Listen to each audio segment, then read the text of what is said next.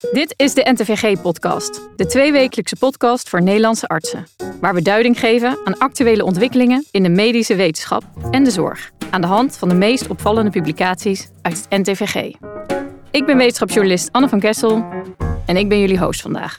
Het komende half uur praat ik jullie bij over belangrijke en opvallende inhoud van het nieuwste nummer van het NTVG.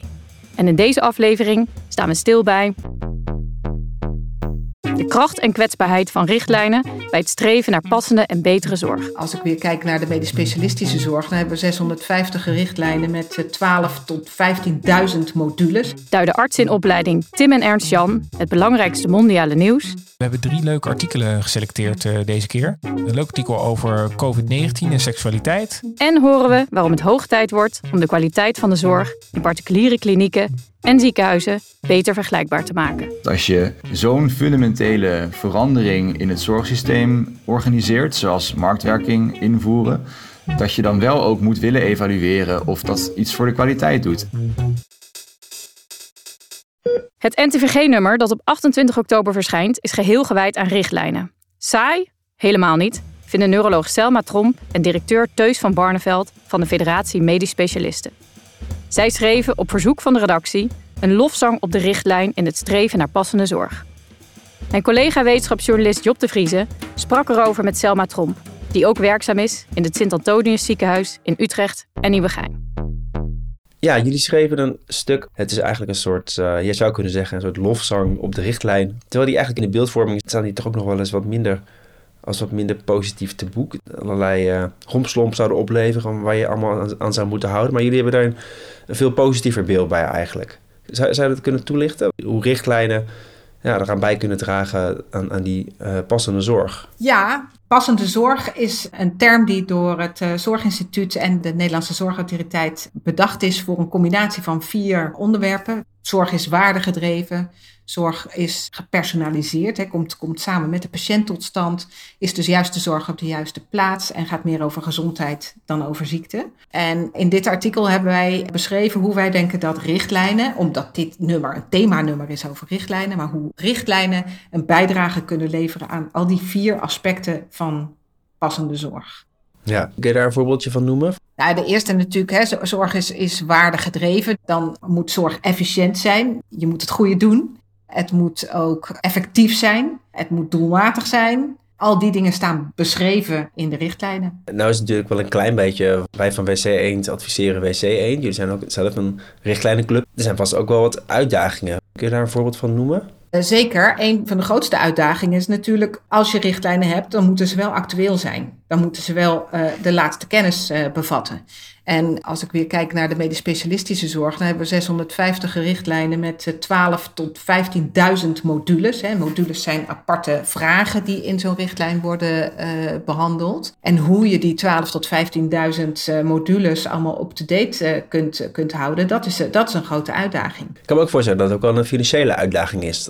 Dat, dat is het ook. Op dit moment hebben we voor ongeveer 10% van de modules uh, per jaar geld om ze te ontwikkelen of te herschrijven of te updaten. En um, ja, eigenlijk is de noodzaak wel 20 tot 30% van de modules uh, jaarlijks uh, bij te werken. We proberen dat makkelijker te kunnen doen door bijvoorbeeld internationaal meer samen te werken. Of van verschillende artificial intelligence eh, technieken gebruik te maken om de literatuur sneller en uh, beter te kunnen bijhouden. Ik las ook in jullie stuk over het beter afstemmen op elkaar van richtlijnen, ook met het NAG. Ja, daar zijn we veel mee bezig. Het Nederlands Huisartsgenootschap maakt natuurlijk ook heel veel richtlijnen. Die heten standaarden. Die hebben er ook zo 100 tot 150 online. En daarin zoeken we steeds meer de afstemming. Dus de richtlijnen worden steeds meer multidisciplinair gemaakt. En multidisciplinair is dan niet alleen met verschillende uh, medisch specialisten samen, maar ook met medisch specialisten en huisartsen samen. Zo'n richtlijn, iedere arts heeft daar natuurlijk mee te maken. Aan de ene kant wil je dat het houvast biedt. En aan de andere kant wil je ook als arts zelf je eigen kennis en ervaring en de situatie die voor je hebt het beste kunnen doen. Heb je daar misschien een voorbeeld misschien uit je eigen praktijk, hoe dat dan in de praktijk kan werken, wanneer die van pas komt, zo'n richtlijn? Laat ik dan eens kijken naar welke richtlijn ik zelf regelmatig erbij pak. Als wij, um, wij worden als neurologen uh, regelmatig gevraagd op de intensive care als een patiënt gereanimeerd is. en comateus op de intensive care ligt. En dan wordt aan ons gevraagd, uh, wat, kunnen jullie een inschatting doen van de, van de prognose? En daar is een richtlijn over en die geeft ook een, een stroomschema. En we kunnen dan aan de hand van onderzoeken die we na 12 uur na de reanimatie of na 24 uur na de reanimatie kunnen doen, kunnen we iets uh, zeggen over, nou deze patiënt gaat hoogstwaarschijnlijk er goed uitkomen of deze juist slecht. En dat biedt ons dan houvast om ook het gesprek met de familie te voeren. Maar soms lijkt het bij uh, patiënten op grond van de richtlijn best een, een, een, gunstige uitgangssituatie te zijn. Maar dan zijn er weer andere patiëntfactoren die, die maken dat je, dat je toch eerder zegt van nou dan, dan, dan stoppen we met deze behandeling. Of juist dat de familie zegt van we willen nog niet stoppen, want er is nog familie onderweg uit het buitenland. En dan kun je ook uh, zeggen van nou dan wachten we nog of dan volgen we nu de richtlijn even niet zo definitief als die er staat. Ik las ook dat het ook nog wel eens lastig is dat lang niet alles ontzettend degelijk onderbouwd is. Eigenlijk heel vaak de evidence toch niet zo sterk is. Ja, dat valt soms tegen. Aan de hand van de sterkte van de bewijsvoering uit de literatuur wil je harde aanwijzingen geven. Maar uh, vaak kan dat helemaal niet zo hard, omdat de, uh, de onderzoeken vaak niet uh, goed aansluiten bij de directe vragen uit de praktijk. Ik heb begrepen dat er bijvoorbeeld op het gebied van prostaatkanker wel wel vijf randomized control trials per dag uitkomen. Maar de aanbevelingen in de richtlijn helpt dat niet zo goed, omdat ze niet specifiek genoeg zijn voor de praktijk. Dus het is heel belangrijk dat ook bij het opstellen van die richtlijnen vragen naar voren komen en kennishiaten naar voren komen en dat die de basis vormen voor onderzoeksgeld. En dat die kennis die dan met die onderzoeken wordt opgedaan zijn weg weer vindt in de richtlijn. Ja, dat is die kwaliteitscyclus waar je het over hebt. Ja, ook. dat is een stuk van de kwaliteitscyclus. We hebben meerdere cycli. Dit is de kwaliteitscyclus om aan de hand van kennishiaten weer uh, onderzoek te doen en input te krijgen voor richtlijnen. Andere cyclus is dat we met de, met de, uh, de, dat de richtlijnen goede zorg beschrijven en dat we met, de, met de, bijvoorbeeld kwaliteitsregistraties uh, meten hoe die kwaliteit geleverd wordt en ook daar aan de hand daarvan weer input kunnen krijgen voor de volgende richtlijn.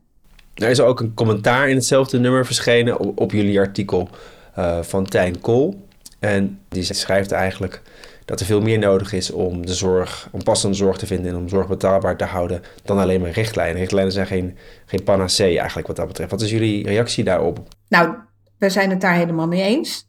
Um, dit is een themanummer over richtlijnen. En daarom hebben we nu geschreven waarom richtlijnen belangrijk zijn voor passende zorg.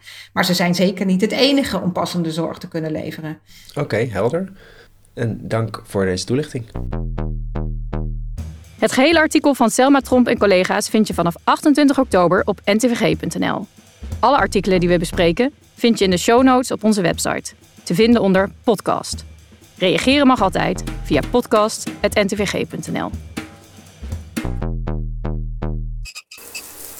Er gebeurt veel moois in de medische wereld. In de warme douche gaan we de werkvloer op en lichten we een van die mooie initiatieven uit. Met vandaag onder de douche oncologisch uroloog Annemarie Lelyveld van de Groene OK. Want de Nederlandse zorg is verantwoordelijk voor 7% van de totale CO2-uitstoot. Zorgaanbieders in Nederland zijn grootverbruikers van energie, materialen en grondstoffen. Dat kan anders, vindt de Groene OK. Welkom Annemarie, je bent uh, arts in het UMCG en bestuurslid bij de Groene OK. Wie zijn jullie en wat doen jullie? Wij zijn verschillende leden uit de beroeps- en wetenschappelijke verenigingen die allemaal betrokken zijn bij de operatiekamer. En wij hebben als missie om zorgprocessen op de operatiekamer uh, versneld te verduurzamen. En dat doen wij door het delen van goede voorbeelden in uh, bijeenkomsten. En uiteindelijk is het streven om naar een CO2-neutrale zorg toe te gaan. Waarom dan specifiek de OK? De operatiekamer is in het ziekenhuis veruit de grootste vervuiler. Ongeveer een derde van alle tastbare afval van het ziekenhuis is afkomstig uit de operatiekamer. Per vierkante meter wordt er ook uh, zes tot tien keer zoveel energie gebruikt dan uh, in de rest van het ziekenhuis. Als collega's dit horen en denken: hey, ik wil ook aan de slag om uh, mijn OK of mijn ziekenhuis te verduurzamen. Wat zijn dan de makkelijke eerste stappen die ze kunnen zetten? Ja, het, het handigste is eigenlijk om gewoon die operatiekamer binnen te stappen en te kijken van, goh, moet inderdaad dan die luchtbehandeling uh, wel in al die operatiekamers dag en nacht aanstaan? Anderzijds kun je uh, kijken naar de tastbare afval. Dus er wordt zo verschrikkelijk veel uitgepakt wat, um, wat helemaal niet, uh, niet nodig is. Wat, uh, wat, wat tijdens de operatie schoon blijft en nadien gewoon in de prullenbak verdwijnt. Dat is natuurlijk hartstikke zonde. Nu zijn dit voorbeelden waar iedereen volgens mij zo mee aan de slag kan. Hoe weten ziekenhuizen nou waar specifiek voor hun eigen ziekenhuis uh, de grootste winst te behalen valt? Het landelijk netwerk uh, werkt ook mee aan een uh, zogenaamde groene barometer. Dat is een ehm, instrument wat beschikbaar moet komen op de website, zodat iedereen dat kan toepassen.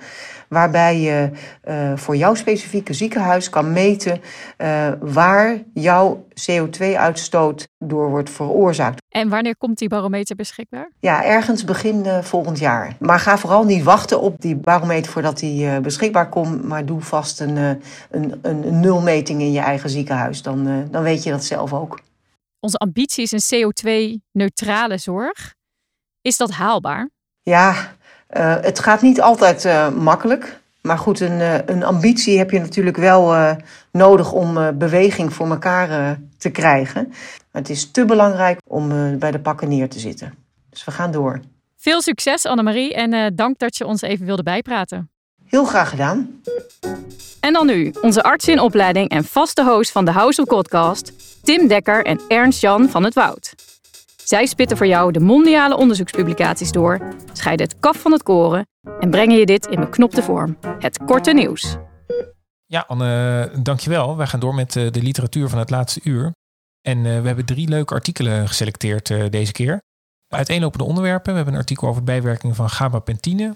Een leuk artikel over COVID-19 en seksualiteit. Um, maar we trappen af met een, uh, ja, een belangrijk artikel van uh, Hodkinson en collega's. Dat is in september dit jaar verschenen in de British Medical Journal. Het is een meta-analyse en vrij vertaald is de titel De relatie tussen burn-out klachten van dokters met de werktevredenheid en ook de kwaliteit van zorg. Ja, en ik denk dat het wel voor alle dokters die naar deze podcast luisteren wel herkenbaar is. Dat stress heel erg bij het vak hoort. En ik denk ook wel dat we allemaal voorbeelden kennen van collega's die worstelen met, uh, met burn-out klachten zodat ik laatst nog, Ernst-Jan, een onderzoek van de jonge specialist... dat een kwart van alle jonge dokters last heeft van burn-out klachten. Ja, zeker. Dat heeft ook het landelijk nieuws zelfs gehaald. Dus ik denk dat veel mensen dat, uh, dat gelezen hebben. En nou kunnen we ons allemaal wel voorstellen dat dit ook gevolgen heeft voor de kwaliteit en de beschikbaarheid van zorg. Maar deze review, Metelise, die, ja, die probeert er ook bewijs voor uh, te leveren dat de burn-out bij artsen sterk geassocieerd is met het vertrek van artsen uit de zorg en dus ook met suboptimale patiëntenzorg.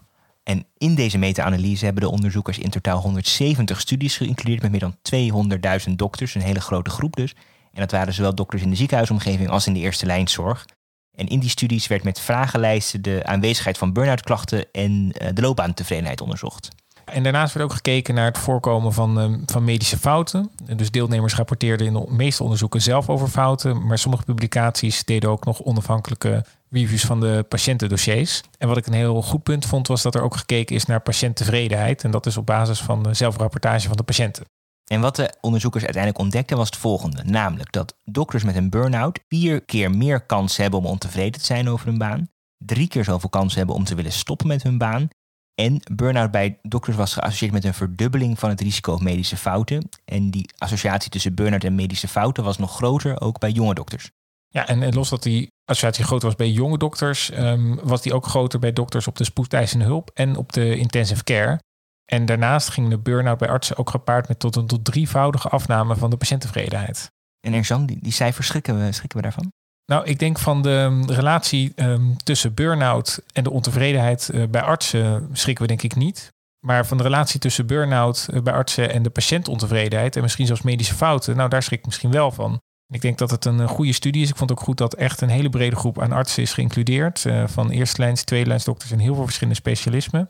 Uh, ja, en ik vind het meenemen van die patiëntentevredenheid ook een, ja, heel goed om ook op die manier te kijken naar de kwaliteit van zorg. Maar goed, er zitten denk ik ook wel beperkingen aan de studie.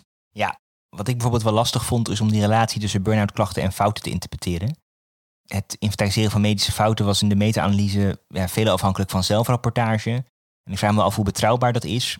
En daarnaast denk ik ook wel dat of er nou wel of niet een fout wordt gemaakt, hangt af van een hoop factoren, denk ik. Dus het lijkt me heel erg lastig te onderzoeken.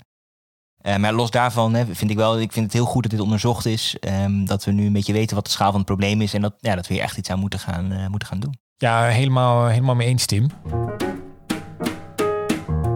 Tijd voor een wat luchtig onderwerp. Ik sla de archives of sexual behavior wel eens over. Maar nu staat er wel een, uh, een artikel in dat we toch graag willen bespreken. En dat is een artikel van Balzarini en collega's. En dat heet Seksueel verlangen in de tijd van COVID-19.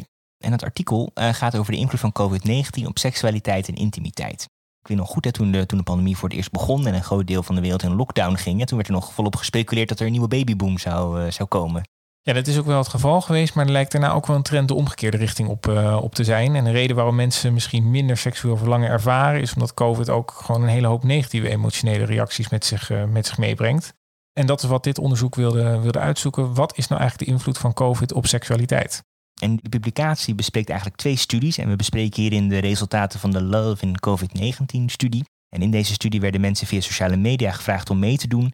En gevraagd om eh, bij het begin van de eerste COVID-golf en ook op meerdere punten daarna een vragenlijst in te vullen over het voorkomen van gevoelens van eenzaamheid, stress, financiële spanning, seksueel verlangen, depressieve gevoelens en ook zorgen over het uh, zelf oplopen van COVID-19. Ik vond het wel een innovatieve manier van uh, includeren van, uh, van patiënten. 3600 mensen uiteindelijk. En onderzoekers ontdekten dat wanneer mensen meer stress rapporteerden in het begin van de pandemie, zij minder seksueel verlangen naar een partner voelden. Maar interessant genoeg, als mensen juist hoog scoorden op eenzaamheid of COVID-gerelateerde zorgen, dat zij dan juist meer seksueel verlangen naar een partner rapporteerden. En de mensen die tijdens de pandemie ook depressieve gevoelens ervaarden, die hadden een sterke afname van een seksueel verlangen. Dus we leren nu in deze studie wat, uh, wat meer over hoe mensen omgaan met, uh, met stress en hoe, hoe dit seksualiteit beïnvloedt. En ja, dit is mogelijk tijdens toekomstige uitbraken van COVID-19 kan het relevant zijn. Maar kan misschien ook wel vertaald worden naar andere stressvolle periodes. En dat kan misschien meer gebruikt worden als ingang om seksualiteit wat meer in de spreekkamer te, te bespreken. Ja, het was voor mij in ieder geval wel weer een, een eye-opener. Het is misschien wel goed om te zeggen dat ja, waarschijnlijk door de patiëntselectie via social media niet een heel, heel heterogene groep was. De deelnemers waren met name heteroseksueel, met name vrouw. En de deelnemers waren ook jong met een gemiddelde leeftijd van 32 jaar. Dus het is wel de vraag in hoeverre je dit kan uh, extrapoleren naar andere patiëntgroepen. Uh, maar desalniettemin een interessant onderzoek. Ja, zeker weten. Zeker weten. Erg interessant. Maar nu weer door naar iets heel erg anders. Um, Erzan, we horen de laatste tijd meer en meer over de gevaren en bijwerkingen van opioïden. En we moeten daarom zoveel mogelijk gebruik maken van niet-opioïde analgetica, zoals bijvoorbeeld gabapentine. Maar wat weten we eigenlijk over de gevaren van deze middelen? Ja, er zijn op zich wel uh, studies uh, verricht naar de effectiviteit en veiligheid van gabapentine, maar dat waren vaak kleine studies met ondervertegenwoordiging van ouderen. Daardoor blijft de veiligheid van perioperatief gebruik van uh, gabapentine bij deze populatie ja, onzeker. Dat is ook de reden dat Park en collega's daar onderzoek naar hebben gedaan. Dat is gepubliceerd in de JAMA Internal Medicine. Dat is met de titel Perioperatief gebruik van gabapentine en het voorkomen van bijwerkingen bij oudere patiënten die grote chirurgische ingrepen ondergaan. En deze grote retrospectieve cohortstudie includeerde patiënten van 65 jaar of ouder die een grote operatie ondergingen en geen gabapentine gebruikten voor de operatie. En de auteurs waren met name geïnteresseerd in het optreden van een delier bij mensen die gabapentine voorgeschreven kregen. En er bleek inderdaad dat patiënten die een nieuw recept gabapentine kregen, bij perioperatief gebruik dat die inderdaad een hoger risico hadden op het ontwikkelen van een delier. En een hoger risico hadden ook op het ontwikkelen van een longontsteking. En het risico op een delier bij gabapentine gebruikers was groter bij mensen met meer comorbiditeit en bij patiënten met een chronische nierinsufficiëntie. De mortaliteit tussen beide groepen verschilde overigens niet. Nee, en auteurs schrijven dan dat um, het gebruik van gabapentine in de VS verdrievoudigd is van 2002 tot 2015. En het, nummer, het middel daarmee op nummer 10 staat van meest voorgeschreven middelen in de VS. En dat vond ik wel opmerkelijk, want ja, ik heb niet dat ik het, idee dat ik het zo vaak tegenkom. En de Nederlandse richtlijn uh, wat betreft postoperatieve pijn is ook al wel terughoudend met het gebruik van gabapentine. En het wordt nu genoemd uh, dat het als alternatief kan overwogen. En het advies is dan om met een uh, lage dosering te starten. Dus het lijkt er op zich wel voor dat die aanbevelingen worden ondersteund door de bevindingen in deze studie. Dus zo blijft pijnbestrijding maatwerk. En ja, vooral denk ik goed blijven letten op comorbiditeit als een keuze wordt gemaakt voor analgetica. Goed, dan zijn we er denk ik zijn we er voor deze week. Um, ja, Anne, uh, terug naar jou. Bedankt mannen, we horen over twee weken weer van jullie. Een radioprogramma is niet zonder prijzen en wij vonden dat die in deze podcast ook niet mochten ontbreken. In de rubriek Wat hoor ik daar? laten we een geneeskundig geluid horen dat jij mag raden. Stuur suggestie in en maak kans op een serieuze NTVG-prijs. Deze keer is dat, geheel passend bij deze rubriek, een draadloze speaker. Degene met het beste antwoord maakt kans op deze fantastische prijs. Deze keer laten we jullie twee aparte fragmenten horen die we kregen van Ivo Smulders, internist in het Amsterdam UMC. En de vraag is of jullie een diagnose kunnen stellen op basis van het verschil tussen die twee fragmenten. Dus let goed op. Eerst komt fragment 1 en meteen erachterna fragment 2. Hier is fragment 1. Natuur is voor tevredenen of legen. En dan? Wat is natuur nog in dit land? Een stukje bos ter grootte van een krant. Een heuvel met wat villaatjes ertegen. En dit is fragment 2. Natuur is voor tevredenen of legen. En dan? Wat is natuur nog in dit land? Een stukje bos ter grootte van een krant. Een heuvel met wat villaatjes ertegen. Weet je het antwoord? Mail dan naar podcast.ntvg.nl. Over twee weken hoor je van Job of je het goed had. Heb je nou zelf een eigen geluid in te brengen? Dan horen wij dat ook graag. Mail je fragment naar podcast.ntvg.nl en wie weet zit het binnenkort in de show. Promovendus Charlie Nederpelt besloot eens goed uit te zoeken of de kwaliteit van zorg is verbeterd sinds de invoering van de gereguleerde marktwerking en de opkomst van particuliere klinieken. Hij stuitte daarbij op een lastige horde. Het is tijd voor ons tweede interview, waarin Job sprak met Charlie, die naast promovendus ook arts in opleiding tot traumachirurg in het LUMC is. Allereerst, waar liep je tegenaan? De hoofdboodschap van het stuk is dat het eigenlijk op aanbiederniveau de zorg niet te vergelijken is, omdat we belangrijke informatie missen uh, om daar conclusies over te trekken. Ik ben op zoek gegaan naar, naar iets van cijfers die de kwaliteit beschrijven van geleverde medisch specialistische zorg door ziekenhuizen en door zelfstandige behandelcentra. Alleen daarbij viel mij dus op dat in die database geen informatie zat over het soort uh, patiënten. Dus eigenlijk hoe ziek die waren, hoe, uh, ja, hoe lang stonden ze al op een wachtlijst, hoe ver gevorderd was hun functieverlies al. Dat staat er eigenlijk niet in. Dat is wat je wat Ehm, uh, onder de case mix verstaan, toch? Zeg maar de, Ja. De, welke populatie hebben we het over? Is die wel Ja. vergelijkbaar? Een van de eerste dingen die je leert als je wetenschappelijk onderzoek gaat doen binnen de geneeskunde, is dat je altijd voor case mix moet eh, corrigeren als je patiëntengroepen met elkaar vergelijkt. Des te opvallender dat dat eigenlijk niet beschikbaar was. Ja. Dus eigenlijk is de, de boodschap, er moet gewoon wel, er moet gewoon meer data verzameld worden, zodat je die echt beter naast elkaar kunt leggen, wat dat betreft. Ja, nou, het is natuurlijk ook de moderne trend te zeggen: meer data is het antwoord op alles. Maar ik denk in dit Ja. geval wel dat het, ja, dat is ook iets wat we noemen in, eh, in dit opiniestuk.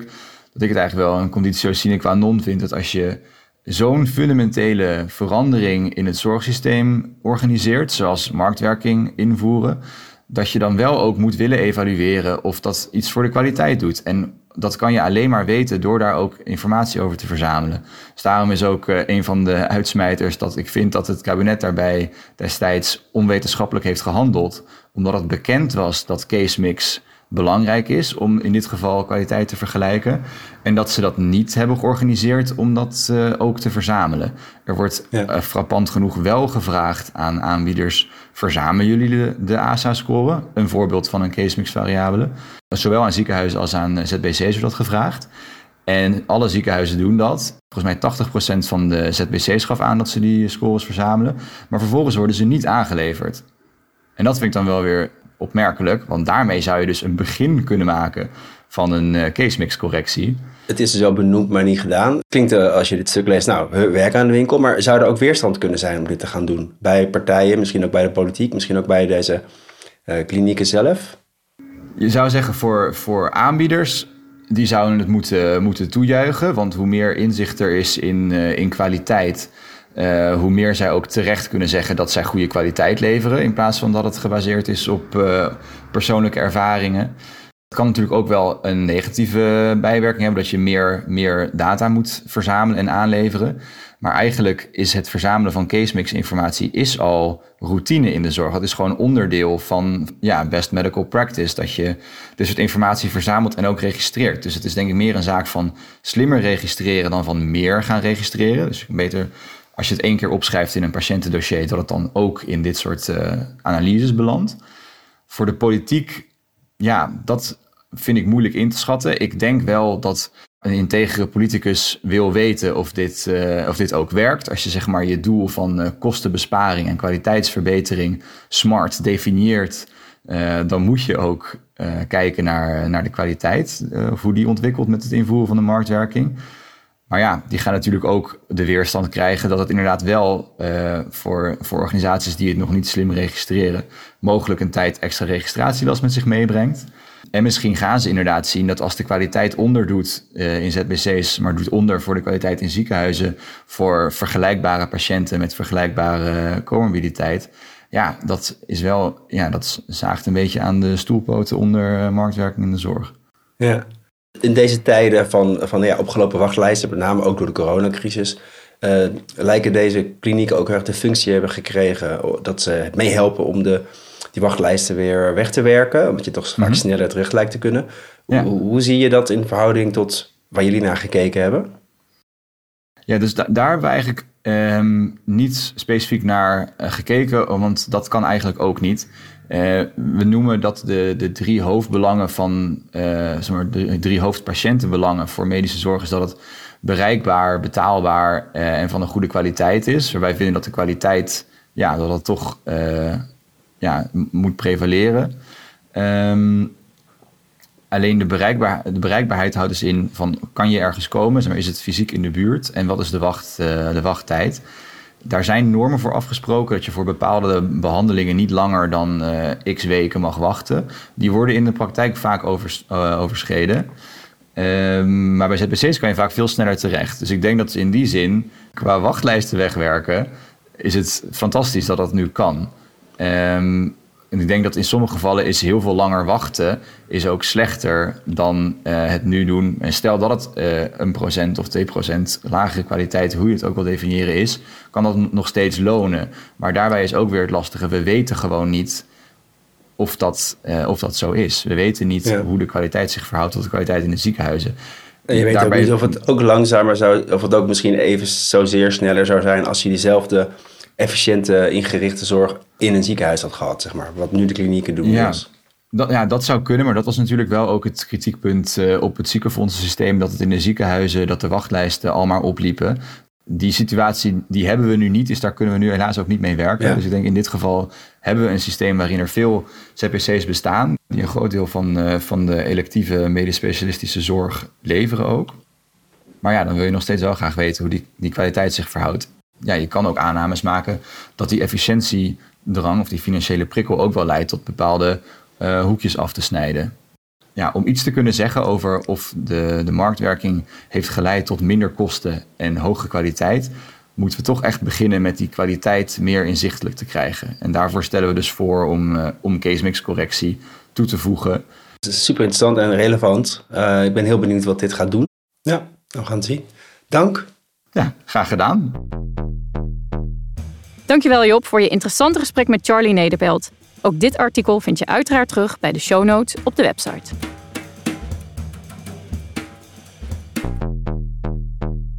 We zijn er bijna, maar niet voordat we jullie de tip van de redactie hebben gegeven. Deze week de gast in de studio Rosie Sikkel, basisarts en het komende jaar werkzaam op de nieuwsredactie van het NTVG. Welkom Rosie. Ja, dankjewel. Hoe bevalt het op de redactie? Hartstikke goed. Ik ben nu een uh, maandje werkzaam bij het NTVG, dus op de nieuwsredactie. Heel anders dan, uh, dan werken in de kliniek. Ja, bevalt ontzettend goed. En je hebt voor ons een, eh, een tip meegenomen. Wat is je tip? Het is een infographic over de ontwikkeling van richtlijnen. Die te zien is in het uh, nieuwe richtlijnen themanummer. Je hebt hem hier ook daadwerkelijk geprint meegenomen. Ja, zeker. Kun je vertellen wat erop te zien is? Ja, wat te zien is, is een, uh, een arts die balanceert over een koord. En dat koord, dat stelt de tijd voor. En langs dat koord zijn dan de meest belangrijke ontwikkelingen binnen de richtlijnvormingen uh, getoond. Zowel nationaal als internationaal. Uh, en dat geeft eigenlijk in één oogopslag een heel mooi historisch perspectief. En heb je een voorbeeld van die uh, belangrijke ontwikkelingen? Wat mij met name opviel is bijvoorbeeld de eerste huisartsrichtlijn, de NAG-standaard uh, diabetes uh, mellitus type 2. Maar bijvoorbeeld ook de thuisartsrichtlijn in 2012.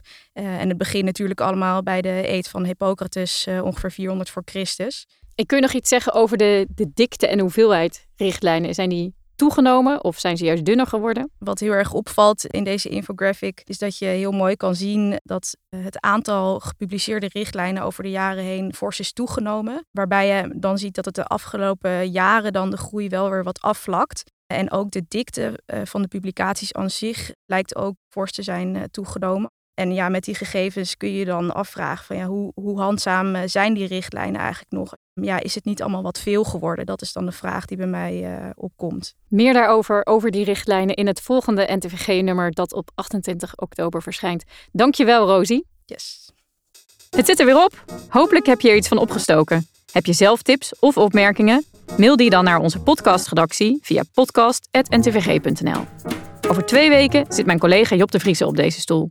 Voor nu een heel fijne dag en tot de volgende aflevering.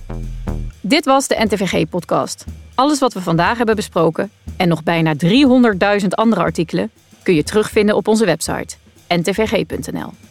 Heb je nou geen tijd om die hele website door te kammen? Geen probleem.